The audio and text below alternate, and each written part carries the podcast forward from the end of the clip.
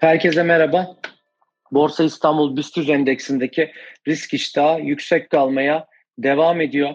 Geçtiğimiz gün Türkiye Cumhuriyet Merkez Bankası tarafından 3. enflasyon raporu toplantısı gerçekleşti ve buradaki toplantının ardından yıl sonu enflasyon beklentileri yukarı yönlü revize edildi.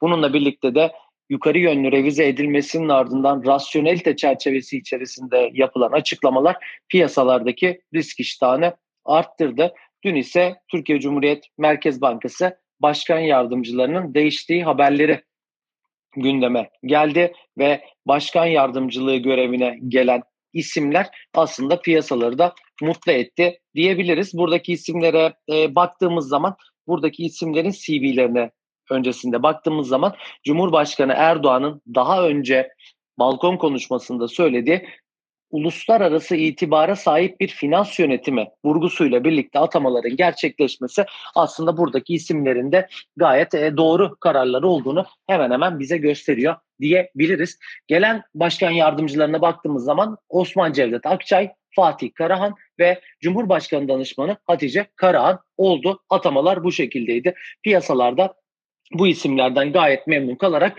fiyatlamaların içerisine buradaki isimlerin de dahil edildiğini gördük ve Borsa İstanbul BIST endeksi 7000 seviyesini zorladı. Temmuz ayı enflasyon verisi önümüzdeki hafta 2 Ağustos tarihinde açıklanacak. TÜİK tarafından Temmuz ayına ilişkin enflasyon verileri 2 Ağustos çarşamba günü saat 10'da açıklanacak. Temmuz ayında Sepetkur tarafında yaklaşık %3'ün üstünde bir yukarı yönlü hareket oluşmuştu.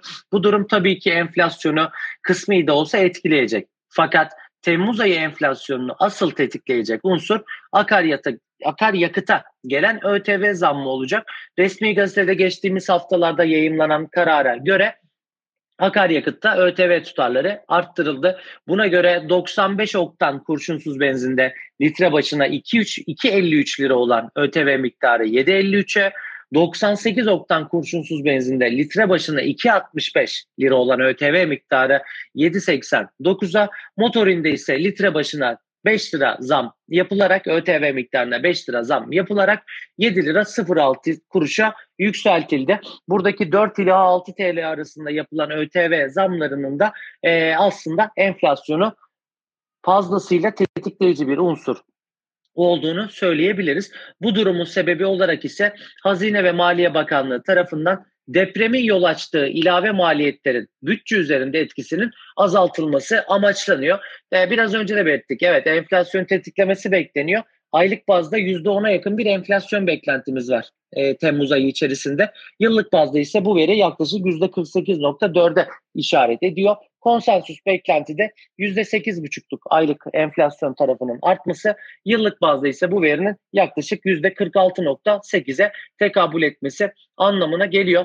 Zaten bu akaryakıt zammına ilişkin geçtiğimiz hafta Türkiye Cumhuriyet Merkez Bankası tarafında faiz kararı ile birlikte yayımlanan karar metninde de bir cümle vardı. Bu cümleye baktığımız zaman kurul bu unsurlara ek olarak vergi düzenlemeleri ve fiyatlama davranışlarındaki bozulmanın enflasyon üzerindeki etkisinden bahsetmişti ve bununla birlikte de merkez enflasyonda yıl sonu enflasyon beklentisinde %58'e %22.3'ten 58'e revize etti diyebiliriz. Önümüzdeki hafta Amerika tarafında da tarım dışı istihdam verisi açıklanacak. Amerika'da faiz arttırımları devam ederken öncü büyüme verileri de beklentilerin üstünde tabiri caizse gelmeye devam ediyor. İstihdam tarafındaki yukarı yönlü seyrin devam etmesi iç talebe bağlı olarak enflasyon tarafını sınırlayabilecek bir unsur olsa da haftaya gelecek tarım dışı istihdam verisi Eylül ayı faiz kararında Fed'in e, önemli etkisine sebep olacak. Bu hafta 25 bas puanlık faiz arttıran bir Fed vardı ama Fed Başkanı Powell'ın açıklamalarının biraz daha yumuşamış olduğunu hatırlatabiliriz. Bu süreçte 2024 yılı içerisinde de faiz indirimleri olabileceğine dair beklenti de fiyatlamaların arasına katılmış durumda gözüküyor. Hepinize sağlıklı günler diliyorum. Önümüzdeki hafta bol kazançlar. Bu haftalık benim sizlere aktaracaklarım bu kadar. Sağlıklı günler.